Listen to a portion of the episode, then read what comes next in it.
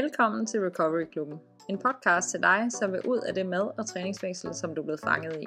Mit navn er Panjan. Til daglig arbejder jeg som recovery coach, og i denne podcast vil jeg tage emner op, som jeg oplever fylder for de fleste på deres recovery-rejse. Dagens emne er uden tvivl den sætning, jeg hører allermest fra mine klienter, enten direkte eller indirekte.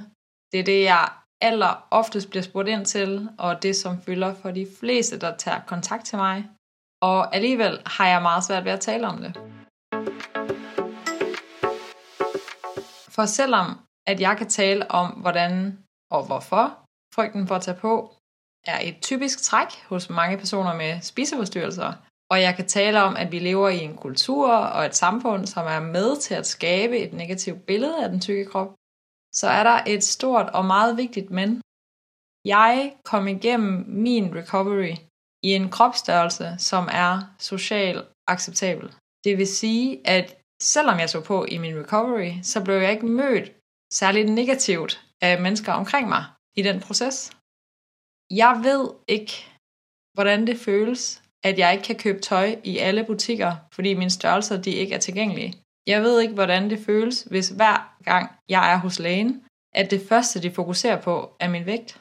Jeg ved ikke, hvordan det føles at give mig selv ubetinget tilladelse til at spise, og så opleve, at alle omkring mig finder det forkert, fordi jeg er tyk. Og selvom jeg har viden om, at det sker, så er det ikke det samme som at opleve det på egen krop.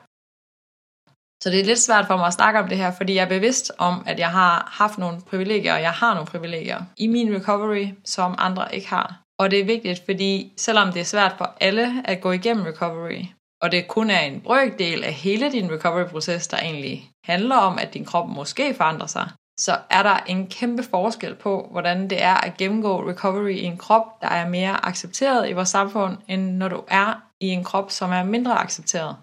Det er ikke for at sige, at recovery er nemt for nogen, men det er og vil altid være et privilegie, at jeg for eksempel ikke oplevede den respons fra vores samfund undervejs i min recovery. Når jeg arbejder med mine klienter, så gør jeg mit ypperste for at behandle alle lige. Hvis jeg har en klient med en restriktiv spiseforstyrrelse, så er det uanset kropsstørrelse grundlæggende samme principper, vi arbejder ud fra. Men der er og vil altid være forskel på de udfordringer, de kommer til at opleve undervejs, hvis de er i en større krop. Det kan man ikke ignorere. Og noget af det, der gør det svært for mig at tale om det her emne, er nok, at jeg frygter, at der er nogen, der kunne føle, at jeg får det til at lyde, som om det kun handler om at tænke og handle anderledes, eller at alt det, du frygter, kun foregår ind i dit hoved. For det ved jeg godt, det ikke gør for alle. Men jeg kan kun hjælpe mennesker med det, der er inden for deres kontrol. Eller at stå stærkere i det, som ikke er inden for deres kontrol.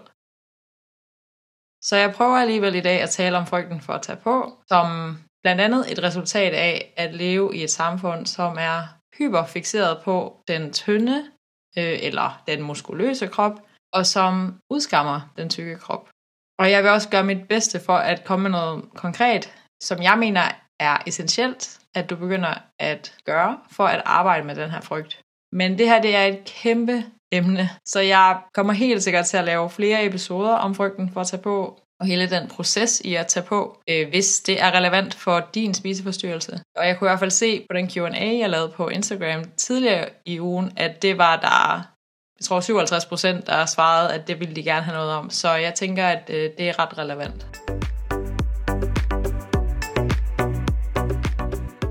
Som jeg har fortalt i nogle tidligere episoder, så var min egen største frygt, og også noget af det, der holdt mig allermest tilbage for virkelig at tage springet sådan helt ud i min recovery, det var frygten for at tage på, og frygten for at blive tyk.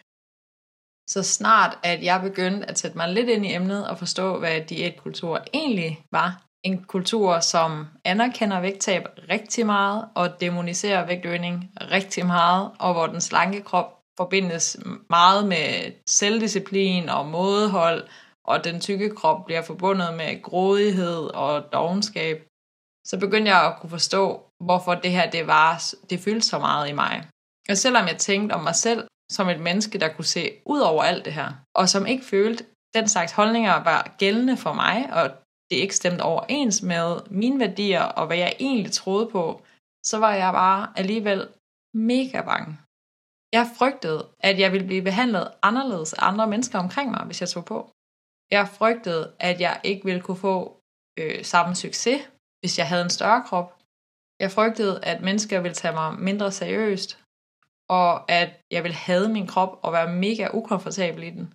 Jeg frygtede, at mine venner og mine bekendte, de ville dømme mig og tænke, at jeg havde givet slip på mig selv. Jeg frygtede, at jeg ikke ville være værd at elske, og at min identitet ville smuldre fuldstændig. Før jeg kunne tage springet ind i min recovery, der var jeg nødt til at slippe den idé, jeg havde, om at det værste, der kunne ske i mit liv, det var at blive tyk, og erkende, at det værste, der kunne ske i mit liv, var at blive i min spiseforstyrrelse, både for mit mentale helbred og mit fysiske helbred. Den eneste måde, jeg kunne slippe den her frygt for at blive tyk, var at begynde at handle, som om jeg ikke var bange for at blive tyk. Eller i hvert fald som om det ikke var det vigtigste, om det skete. Altså i stedet for, at jeg hele tiden skulle passe på, hvad jeg spiste, og være restriktiv og kompensere hver gang jeg havde spist, og skulle træne en hel masse for at holde min krop på en bestemt måde, så skulle mad og træning ikke være styret af den frygt, men styret af mit ønske om at leve et helt liv, hvor det ikke fyldte alting. Og jeg anede ikke, hvad der ville ske med min krop. Jeg anede ikke, om det ville virke. Jeg anede ikke, om jeg ville få det bedre. Det eneste, jeg vidste, var bare, at jeg havde ikke længere lyst til at være et menneske, som levede på den her måde. At hele mit liv handlede om at bevare en bestemt kropsstørrelse. Fordi det føles tryg, for så at miste alt overskud til noget som helst andet i mit liv. Så kan det godt være, at du tænker, at man skal alle tage på i recovery. Og det er ikke sikkert.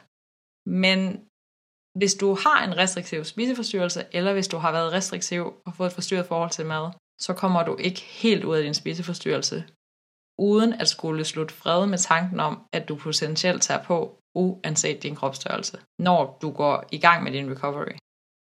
Og jeg vil også gerne lige understrege, at det at tage på i vægt, det betyder ikke, at du bliver rask fra en spiseforstyrrelse. Altså det alene er ikke et tegn på, at du er blevet rask, men det er i mine øjne essentielt for dit fysiske og psykiske helbred, at du ikke konstant undertrykker din kropsvægt.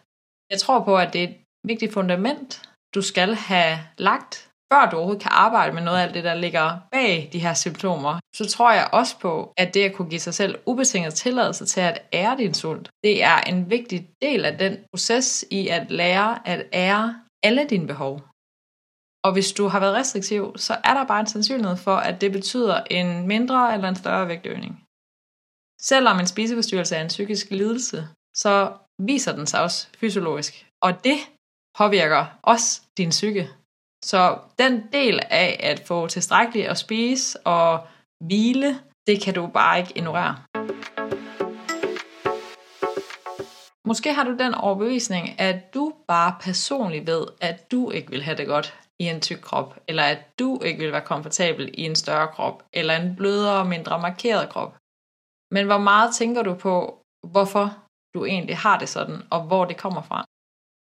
En del af frygten for at tage på den kommer blandt andet fra, at vi i vores samfund stort set alle sammen har et ubevidst, nogle gange bevidst bias rettet mod den psykiske krop. Altså at vi ubevidst har lært og koblet noget bestemt til for eksempel personer i en tyk krop.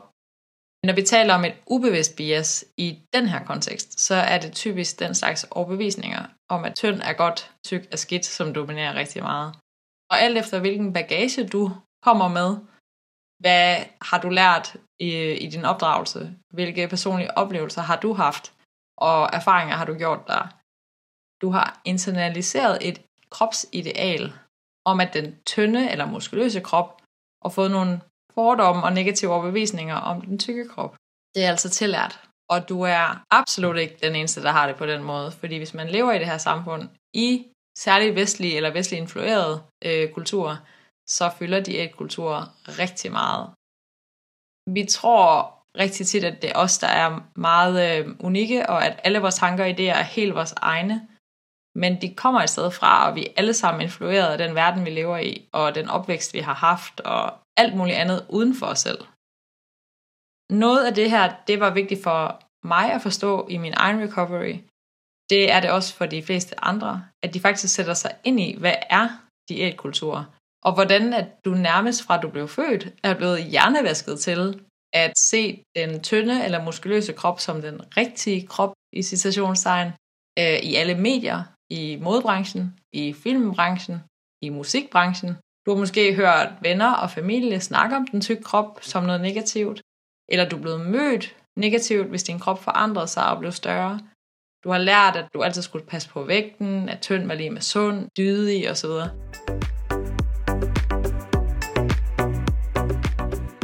Desværre så ved jeg godt, at det ikke er nok at vide om diætkultur øh, og forstå din baggrund og historie, for at du slipper den her frygt. Fordi med tid, så for de fleste, så er der blevet koblet så meget mere til den frygt for vægtøgning, end bare det. Men det er stadig vigtigt at starte der, og det er vigtigt at få øh, indblik i nogle af de her ting. Hvis jeg alligevel skal nå at give dig noget konkret med til den her episode i forhold til dit begyndende arbejde med frygten for at tage på. Udover at forstå, at din frygt grundlæggende handler om, at du har lært at være bange for at blive tyk igennem din historie, opvækst, erfaringer og den kultur, du er en del af, så er det at blive meget specifik i forhold til, hvad det er, du er bange for, der sker, hvis du tager på. Og jeg kan lige så godt sige det, som det er. Nogle af de ting, du er bange for, de kommer til at ske men du er nødt til at få konkretiseret det, så du faktisk kan forholde dig til det, og bare fordi, at det sker, så betyder det ikke, at du ikke kan lære at håndtere det på en måde, hvor du kan passe på dig selv og stadig have et godt liv. Så et eksempel kunne være, hvis jeg har en klient, som frygter, at vægtøgning blandt andet resulterer i, at når hun skal til lægen, at hun risikerer, at de kommenterer på hendes vægt og fokuserer på det. Og grunden til det i særlig grad var svært for hende, eller er svært for hende, er, at hun har haft nogle erfaringer, siden hun var barn, at der var et meget stort fokus på hendes vægt. Det er det ikke usædvanligt, at man har stået i sådan en situation, og den her forkerthedsfølelse stadig sidder i en. Det jeg rigtig tit forsøger med mine klienter, som har den her slags frygt og udfordringer, er at tale om, hvordan kan de lære at advokere for sig selv i den her slags situationer. Det kunne for eksempel være, at de godt må sige til lægen, at de ikke vil vejes, eller at de kan fortælle, at de har en spiseforstyrrelse, og de ikke har lyst til, at det trigger den mere. Der er selvfølgelig nogle ting, der ikke er inden for din kontrol, og det er blandt andet ikke inden for din kontrol, hvordan andre behandler dig, til dels i hvert fald. Men du kan lære at stå stærkere i den slags situationer. Det andet, vi så gør rigtig meget, øh, min klient og jeg, det er hele tiden igen og igen komme tilbage til, men hvad er prisen for at blive i din spiseforstyrrelse? Og er du villig til at finde ud af, hvad der ville ske med dit liv, hvis du ikke længere var villig til at betale den pris. Du skal vide, hvad du er bange for. Det er ikke nok at sige, jeg er bange for at blive tyk, og at andre de dømmer mig. Det er ikke konkret nok. Hvem helt præcis er du bange for dømmer dig? Er det dine kollegaer? Er det din familie? Og ud af dem, hvem er dem? Helt specifikt, altså, hvad hedder de? Hvem er det? Hvordan er du bange for, at de dømmer dig? Hvad vil de sige? Hvad vil de gøre? Hvad tror du, at de vil tænke, og hvor lang tid tror du, de vil tænke det? Hvad tænker du om mennesker, der dømmer andre på grund af deres vægt? Hvad tror du, det handler om, når andre mennesker dømmer eller er meget fokuseret på vægt? Hvad sker der mon over i dem? Og hvad betyder det for dit liv, hvis du lader dig styre af, hvad andre mennesker tænker om dig? Hvad sker der, hvis du resten af dit liv bliver nødt til at holde din vægt nede, for at andre ikke dømmer dig. Hvilken betydning vil det have for dit liv? Og hvad har været prisen indtil nu?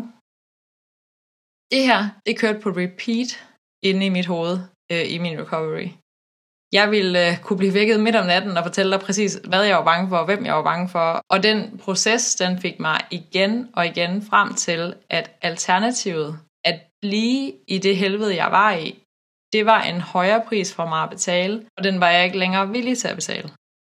Den øvelse gjorde det også klart, hvor lidt jeg egentlig synes om mig selv, hvor usikker jeg var på mig selv, og hvor lidt jeg troede på mit eget værd.